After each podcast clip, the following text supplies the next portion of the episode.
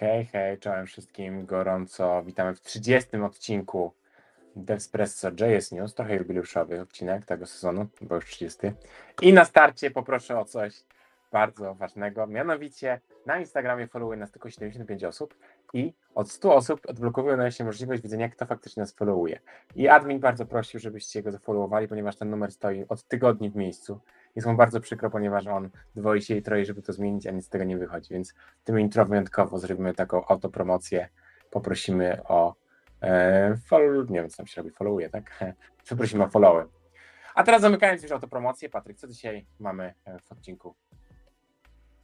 Y, Mamy React Strict DOM, czyli meta przez drugi tydzień tak naprawdę serwuje nam nowości. Mieliśmy Mhm. Reacta w zeszłym tygodniu z Łukaszem. Dzisiaj mamy też Reacta, ale Reacta uniwersalnego. Y, Mamy, mamy Dino, mamy Remixa, mamy SafeTest, mamy Reduda, więc naprawdę dużo fajnych rzeczy. Tak jest, dlatego nie przedłużając intro i lecimy. Devspresso.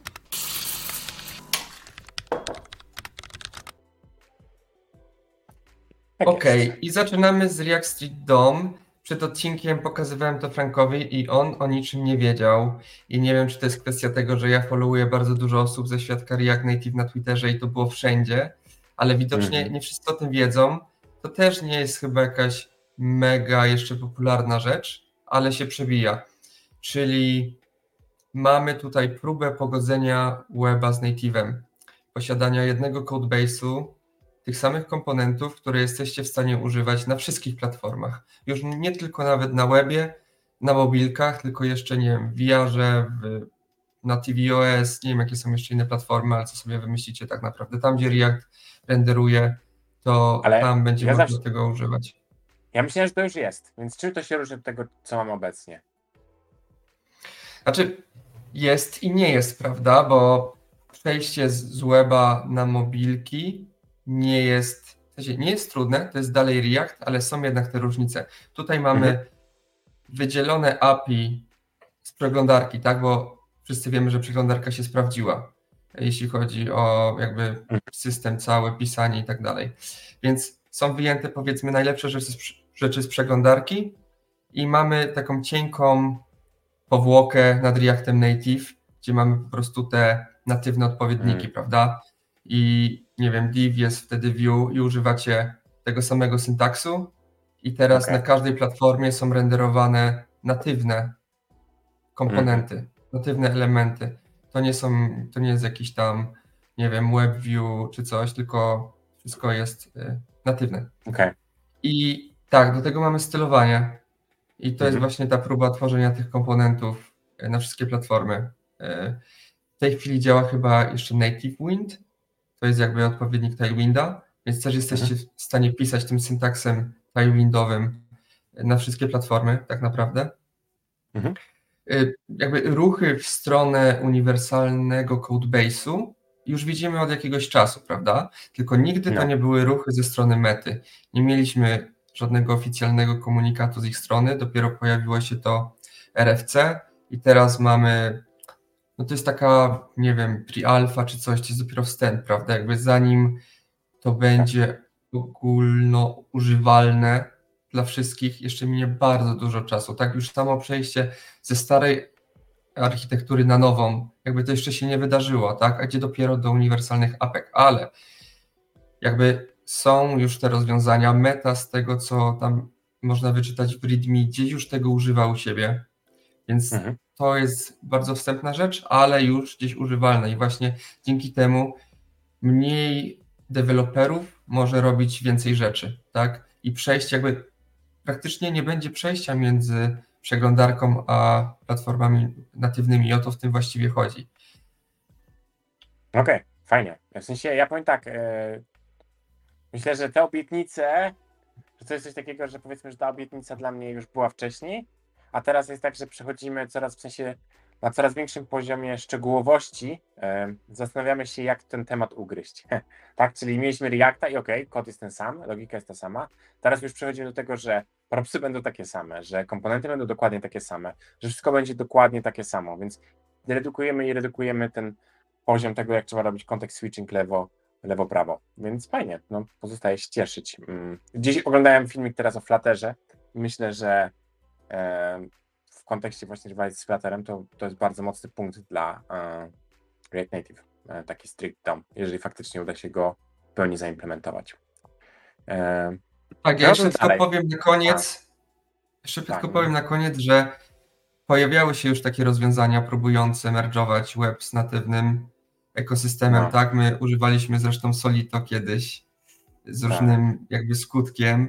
Mamy React Router, który też mocno jakby idzie w stronę uniwersalnych apek. Mamy tam AGUI do stylowania, więc jakby wszystko wskazuje na to, że za kilka lat, bo to pewnie tyle zajmie, będziemy pisać te same komponenty wszędzie i to wszystko będzie ze sobą działało. Oczywiście to wymaga bardzo dużo pracy y, ze strony deweloperów.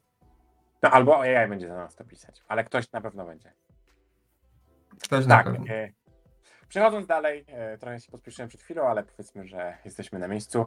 Remix 2.7.0 e, i to, co jest ważne, to jest remix z Vit, e, czyli mamy w pełni stabilny, w pełni działający Vit w remixie, czy tam może remix w Vicie, zależy jak na to spojrzeć, tak? Pierwsza rzecz, to już temat, który trochę wałkowaliśmy w Espresso i w ogóle był wałkowany wszędzie. Natomiast to, co jest kluczowe w, w tym releasie, to to, że dzięki temu, że Remix używa Vita i można tego Vita używać jako głównego modera, to możemy mieć tryb SPA, czyli Single Page Application. Czyli to jest to, co w sensie w Remixie zaczynaliśmy od tego, że są akcje, tak, loadery i tak dalej, tak dalej. Teraz możemy odpalić wersję czysto po stronie klienta, co daje nam super ścieżkę migracji od React Router. Czyli jeżeli mam aplikację z React Router, która jest na przykład w Create React App, to możemy przejść na Remixa, korzystać z wszystkich jego dobroci, czyli na przykład file-based routing, tak, i przejść sobie dalej, korzystać dalej z client-side aplikacji, ale tak jakbyśmy mieli aplikację trochę serwerową, trochę z tymi wszystkimi fajnymi rzeczami. Także super sprawa. E, oprócz tego, no więc najważniejsza w tym, rzecz w tym releasie, e, tak naprawdę, ten tryb SPA, który jest stabilny. Oprócz tego wsparcie dla basename, czyli tutaj jakby jest całe które w związku z tym, że musieli tego Vita wspierać, to musieli poprawić tę konfigurację, poprawić niektóre zagadnienia, więc wsparcie dla basename jest jedną z nich. E, To nie było dotychczas wspierane tak naprawdę, jak przyszło to do czego, to się okazało, że w ogóle to koliduje z Vitem, więc przerobili to całe i jest od nowa i działa tak, jak powinno działać. Wsparcie dla Cloudflare Pages, e, to dla użytkowników tej platformy, myślę, że bardzo fajna sprawa. Server Bundles, i to w ogóle jest ciekawa historia, na Verselu, jeżeli deployowaliście apkę z Remixem, to tam oni mieli swojego własnego forka, którego odpalali i ten fork miał server bundles, czyli odpowiednio bundlował kawałki kodu. No i teraz oni bardzo się boją sytuacji, że będzie potrzebny kolejny fork i będą w ogóle śmigać trzy różne wersje remixa po sieci, e, w związku z tym, że przychodzą na Vita. No to pogadali z e, Verselem, no i w ogóle te server bundles nie będą tylko na Verselu w remix e, z Vitem, tylko będą dla wszystkich, e, na Verselu również. I E, Z tym bardzo blisko powiązane jest to, że pojawiają się presets, czyli takie zestawy konfiguracji pod różnych usługodawców, którzy mogą hostować naszą aplikację. Pierwszy z nich jest właśnie dla Versela. E, Jest tam API, jest dokumentacja, jest zaproszenie, żeby tworzyć kolejne. Mm, Myślę, że Cloudflare jest naturalnym kolejnym graczem, który powinien się pojawić. Kolejna rzecz, przez to, że przechodzi na Vita i jest ISM, e, nie mogli już robić e, runtime sprawdzania, czy nazwa ma .server, e, nazwa pliku i czy ten kod powinien, czy może trzeba zablokować ten kod przed trafieniem na klienta. No i w związku z tym, że tego się nie da zrobić w ISM, to musieli to zastanowili się nad sytuacją i stwierdzili, czemu nie zrobimy tego podczas e, kompilacji, podczas sprawdzania typów. No i tak zrobili, co daje fajną sprawę, no bo dostajemy error znacznie wcześniej, nie jak już odpalimy, tylko na samym starcie e, dostajemy informację zwrotną.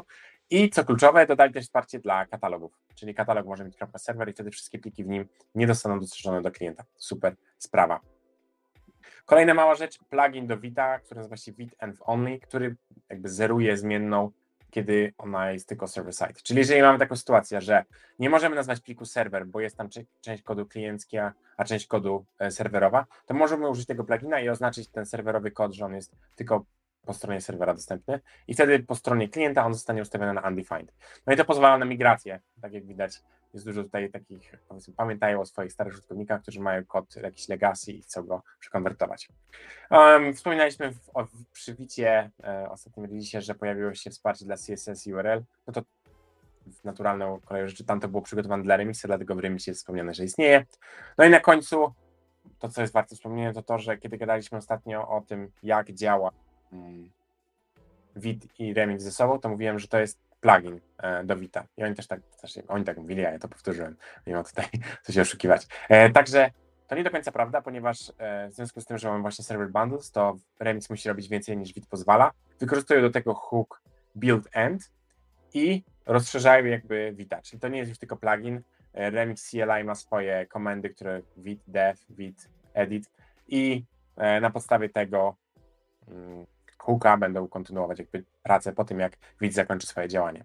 Także nie są tylko pluginem, robią teraz troszkę więcej. Natomiast wciąż powiedzmy 90% rzeczy dzieje się w pluginie do Vita, co sprawia, że właśnie tryb SPA jest łatwiejszy do dewelopowania ze strony deweloperów Remixa. W sumie tyle, jeżeli chodzi o ten, o ten update. E, Uważam, że no kurczę, tak szczerze, jak robię Despresso, to uważam, że Remix to jest najfajniejsza rzecz e, obecnie w e, technosferze javascriptowej. Jeżeli możecie robić aplikację na Remixie, to po prostu powinniście. W szczególności, że jestem wielkim fanem też Cloudflare Pages, o czym Patryk doskonale wiesz, bo sam jak tylko zobaczyłeś changelog, mówiłeś mi, że ja się pewnie ucieszę, bo dodali wsparcie.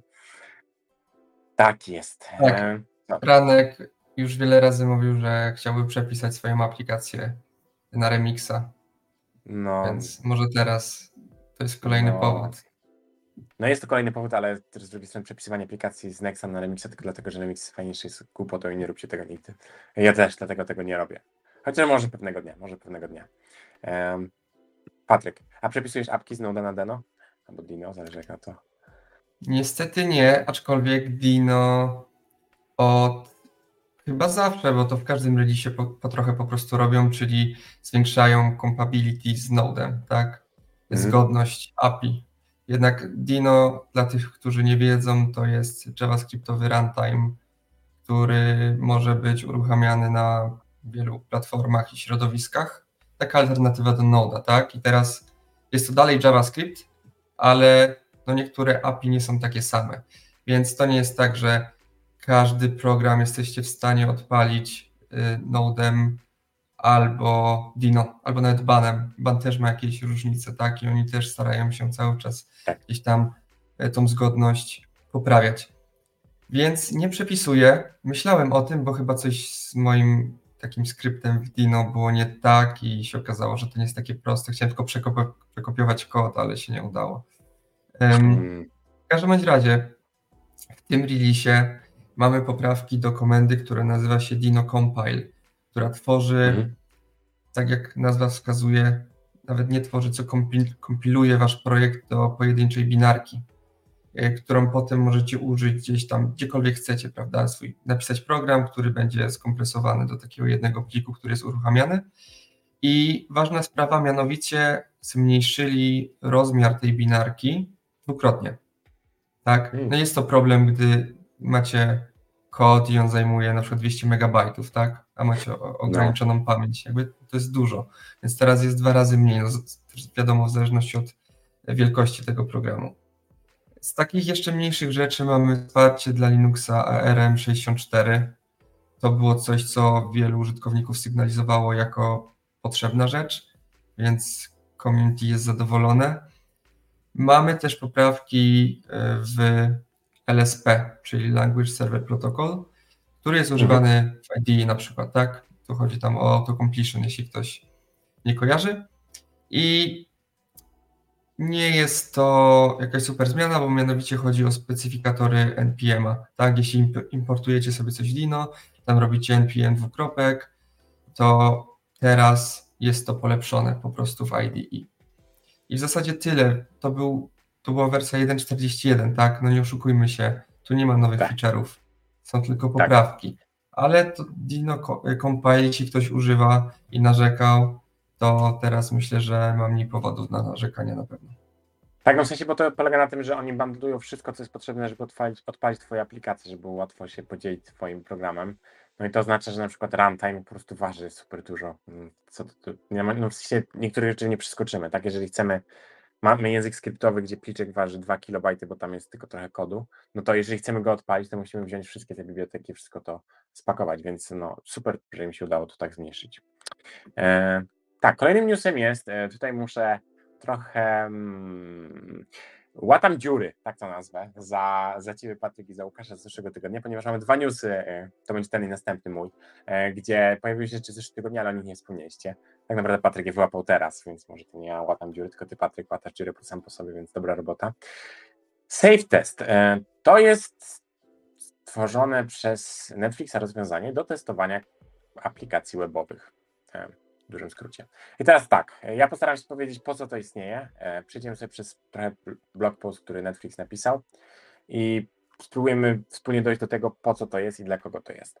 Pierwsza rzecz, to jak mówiłem, testy end-to-end do przeglądarkowych aplikacji. Czym to, w sensie, jakie były problemy z Testing Library, czyli pierwsza rzecz.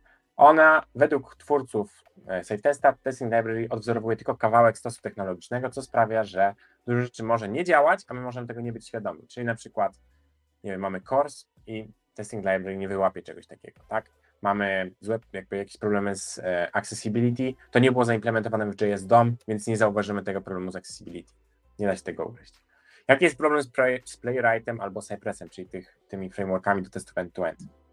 E, jeżeli chcemy połączyć na przykład do innego API, to musimy używać jakiegoś rewrite, super hardkorowych rzeczy musimy używać. Jeżeli chcemy zmienić motyw, to musimy zmienić e, ten motyw przez local story, czyli nasłuchiwać tego samego w aplikacji. W sensie musimy się łączyć do przeglądarki, a przeglądarka musi, a my musimy się potem, z jednej strony z aplikacji łączymy się do przeglądarki, a potem z testów łączymy się do przeglądarki, zmieniamy coś w przeglądarce, to musi być propagowane w naszej aplikacji. Więc jest jakby taka, nie wiem, niezręczność w tym, jak się komunikujemy z naszą aplikacją.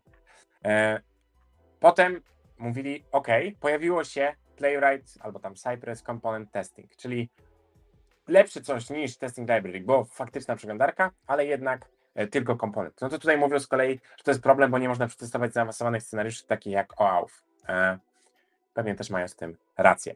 No i czym jest safe test? Tak patrząc na sam koniec, mając na uwadze te wszystkie rozwiązania, które wydaje się wypełniają już 100% możliwości, to safe test jest naszą aplikacją, która ma wstrzyknięty kawałek kodu, który pozwala nam podpalać testy.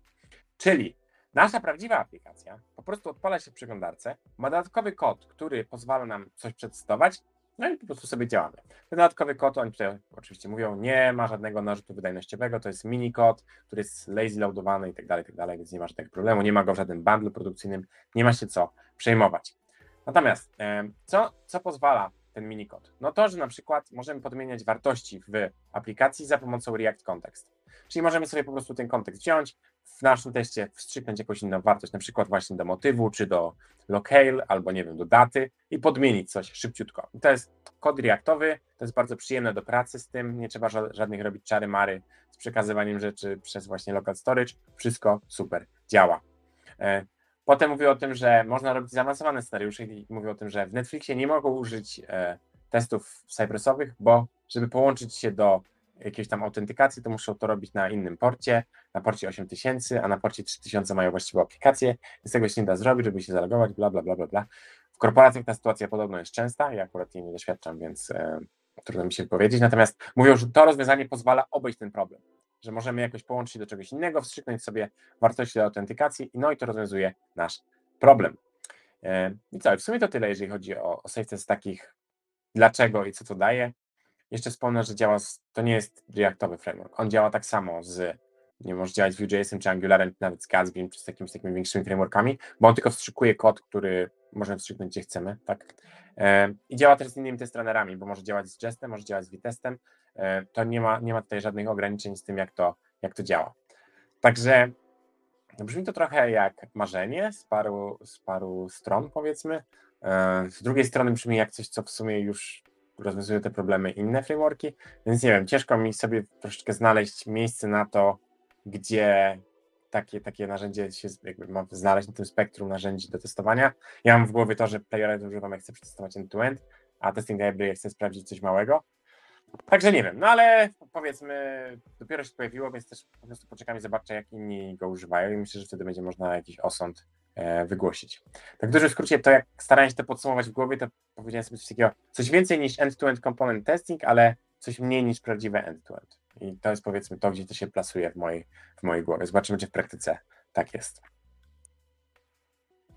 Wydaje mi się, że no. jakby fajnie, że jest alternatywa, tak? to zawsze jest dobre dla no tak. ekosystemu, jak mamy duży wybór i jest konkurencja, prawda, bo każdy chce być lepszy.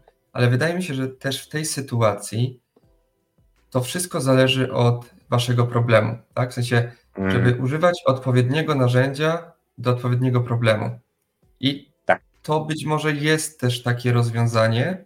Nie wiem, czy nie skierowane, tak jak mówiłeś, bardziej do jakichś wiem, dużych projektów korporacyjnych, gdzie takie problemy występują, ale wiadomo, dla końcowego użytkownika, dla nas, dla deweloperów, super sprawa.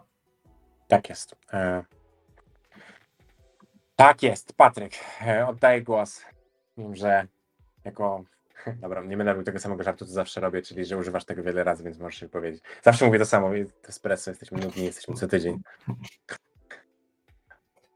Mm, tak, mamy Redwood, y, którego niestety nie miałem jeszcze możliwości przetestować. Ale y, dla tych, którzy też może nie wiedzą, czym jest Redwood, bo wydaje mi się, że są takie osoby, jest to framework, który ma w sobie wszystko, czego potrzebujecie tak naprawdę, żeby tworzyć aplikację. Mamy tam GraphQL, mamy Reacta, mamy Prismę, mamy TypeScripta, mamy Storybooka, mamy Jesta, mamy autentykację, mamy wszystkie generatory, no wszystko, co, czego potrzebujecie, żeby pisać kod, pisać logikę, robić apkę i nie przejmować się resztą, setupem. Mhm. Jakby to też jest skierowane dla określonej grupy deweloperów, prawda? Bo z reguły chcemy sobie sami ustalać, których bibliotek korzystamy. Tutaj jakby dostajemy wszystko razem, to jest ze sobą wszystko połączone, wszystko super gra, więc zbytnio nie da się podmienić na przykład, nie wiem, Reacta na Vue, chociaż nie wiem, czy ktoś tak robi akurat, ale nie wiem, Storybooka na Ladla, albo nie Mhm. wiem, Prismę na coś tam innego. Więc dostajemy to wszystko razem. I wiadomo, to ma swoje plusy, tak? Tak jak mówiłem, to wszystko ze sobą super współgra. Wykonujecie komendę, tworzy wam, nie wiem, ruta, view, coś tam, testy od razu. Fajna sprawa. O Tak. tym też y, wspominaliśmy w poprzednim odcinku, było podobne narzędzie, gdzie to był Ruby on Rails w JS-ie, gdzie też jakby cały boilerplate jest zabrany, a wy się skupiacie Mhm. tylko na tworzeniu apki, czyli to, co w sumie wszyscy chcą robić tak naprawdę. Nikt nie chce setupować. Nuda. I nie działa nigdy coś. Prawda. Tak. Tak, więc co dostajemy w tym releasie? To jest wersja 7, więc w sumie major. Mamy Redwood Studio, jest to CLI, które ma swoje UI i służy tak naprawdę do debugowania wszystkiego, co wychodzi z waszej aplikacji, czyli Okej. y, requesty, tam używają GraphQL, tak, więc to są rzeczy związane z GraphQL-em. Y, Requesty, są jeszcze SQL-owe wyrażenia, do tego jest jakaś analityka, analityka tracing, więc mamy takie fajne UI, gdzie wszystko widać, tak? I nie ma okej. problemu. Mhm. Mamy coś w tym releasie, na co czekała duża ilość użytkowników Redwooda, czyli GraphQL Real-Time. Można wybierać między subskrypcjami i live queries. To Super. dużo osób na to czekała, czekało. Rozumiem, że nie było tego do tej pory, albo nie, wiem, nie było wyboru. Mamy fragmenty GraphQL-owe, czyli Mhm. to są fragmenty zapytań, które możecie sobie używać w różnych częściach waszej Tak. aplikacji. Wiadomo, kod jest lepszy, mniejsza jego ilość i tak dalej, i tak dalej. Mamy coś takiego jak Trusted Operations, które używa pod spodem czegoś, co się nazywa Persisted Operations i to jest Mhm. jakby GraphQLowa rzecz, która zwiększa bezpieczeństwo, performance, mniejsze użycie mm, jakby internetu podczas zapytań. Nie będę wnikał w to, jak to działa, bo nie wiem. Mamy hooki. Okej. Tak, jeśli ktoś wie, to może napisać w komentarzu. Mamy y, hooki do routera, na przykład use root paths, które zwraca wam, gdzie możecie sobie zmapować jakiegoś stringa do, y, do roota, więc fajna taka rzecz, Mhm. mała. I mamy wsparcie dla Sentry, gdzie jedną komendą, wiadomo, możecie sobie wszystko setupować i używać Sentry. Excellent. Więc y, to tak, to wszystko. No jest, jest trochę rzeczy. Więc może też Czego się są cieszyć. te rzeczy. Ja, ja chyba też e, zawsze to mówię przy, przy jakichś um, releasach, że no jeśli to jest coś, na co czekaliście albo czego wam brakowało, to musicie sobie sprawdzić i tego używać i może akurat, więc em, Może akurat. tutaj też mogę się powtarzać, jeśli się powtarzamy dzisiaj. Tak, e, ale tym razem ja się nie powtórzę, ponieważ wiem, że tego tematu nie było ani razu w e, Devspresso i w szczególności powinien być w zeszłym tygodniu, ale trochę nam uciekł. E, Jest to biblioteka, która nazywa się ISO, Isograph. Isograph? Tak chyba by było najłatwiej powiedzieć. Isograph. E, Wersja 0.1, więc super wczesna. E, I też służy do GraphQL-a, więc tak jak Redwood stoi na Prismie GraphQL-u i w ogóle, no to tak samo Isograph też do tego służy. I czym on jest? Myślę, że jakby tym kręgosłupem jest kom kompilator, który pozwala nam z zapytań GraphQL-owych tworzyć komponenty. I to działa w taki sposób, że po prostu nie musimy robić nic. To znaczy, piszemy query i automatycznie wszystko jest zrobione. To znaczy, to, co się zazwyczaj robi na przykład e, z wykorzystaniem GraphQL CodeGen pod spodem, no to, to tutaj zachodzi i to wszystko jest automatycznie wygenerowane. Czyli jakiś tam, jest to trochę opinionated, jak to musisz tworzyć, gdzie tego używać i tak dalej, tak ale w efekcie masz po prostu, to się kiedyś mówiło automagiczne, że tylko piszemy query i potem dostajemy props, one są już wytypowane i piszemy nasz komponent. Jest super. I to jest takie, można powiedzieć, bardzo reaktowe, gdzie dane, data prowadzi naszą aplikację. I to praktycznie tutaj ma zastosowanie. No i ta wersja 0.1 e, ja powiem tak, nie będziemy się zagłębiać w zmiany, które weszły, ponieważ dużo z nich jest na zasadzie zmieniliśmy jakieś API, żeby było łatwiej używać. Więc jak wy jako nowi użytkownicy przyjdziecie, ja wątpię, żeby wielu z was słyszało o Isograph e, przed tym odcinkiem, to raczej nie będziecie nawet wiedzieć, jak się tego używało, więc szkoda się w to zagłębiać. Natomiast przede wszystkim jest nowa strona internetowa, którą możecie oglądać pod linkiem. E, są Magic Mutations, czyli fields uruchamiające mutacje. Jest plugin do Babela i za chwilę mają też zrobić plugin do SWC, czyli do Nexta. To do tego się to sprowadza. E, Jest tryb Watch Mode, który też jest niezbędny, żeby pracować e, z takim rozwiązaniem. E, No i co? I w sumie tyle. Ja widziałem już inny podobny projekt, nie mogłem sobie przypomnieć, jak się nazywa, nie znalazłem go, ale tam też jest tak, że po prostu kolei tam w TypeScriptie piszemy i on po prostu automatycznie konwertuje do GraphQLowego zapytania i w efekcie mamy mm, rezultat. To też jest całkiem wygodne i fajne. Natomiast ja powiem szczerze, że akurat y, obecnie pracuję nad projektem, gdzie używamy GraphQL CodeGen. Jest to trochę męczarnia konfiguracja tego, więc takie automagiczne rozwiązanie myślę, że byłoby całkiem zgrabne. W sensie GraphQL CodeGen super działa, jak już go skonfigurujesz, jak trzymasz się pewnych zasad, ale to jest mega opinionated i moim zdaniem zmierza do tego, gdzie ja konfiguruję godzinami swoje mm, repo, żeby dostać efekt taki, jak oni to mają w wersji 0.1. Więc e, no. Co? Więc jak używacie GraphQL, to gorąco zapraszam przynajmniej do przetestowania. Ja tylko w ramach ciekawostki powiem, że maintainerem tej biblioteki jest ktoś, kto nazywa się Robert Balicki. Nie O. wiem, czy jest z Polski, ale ma polsko brzmiące imię i nazwisko. I on pracował w Reakcie, w Hmm. sensie w Data Team w Facebooku, czy tam w Mecie, tak? I chyba był odpowiedzialny za ich e, lipkę do patchowania, czyli Relay. I Mm. teraz stworzył swoją, więc też ma ten background mocno związany To- z tym. Panie Robercie, albo pozdrawiamy, albo greetings. W zależności od tego, jak to w praktyce wygląda. Mm. Co? Chyba tyle. Kończymy na dziś. E, Kto śledzi Instagrama, ten wie, że odcinek nagrywaliśmy późno, także wybaczcie odrobinę e, zamotania, e, co, po, co po niektórych, na przykład mnie. E, a poza tym e, dziękuję bardzo, że słuchaliście nas przez 30 odcinków tego sezonu i gorąco zapraszamy do słuchania nas dalej. Um, Świat JavaScripta się nie zatrzymuje, więc e, na pewno będzie jeszcze wiele ciekawych newsów. Dzięki Patryk za to, że wpadłeś dzisiaj. No i e, zapraszam do subskrybowania, komentowania, a przede wszystkim słuchania. Dziękujemy, na razie.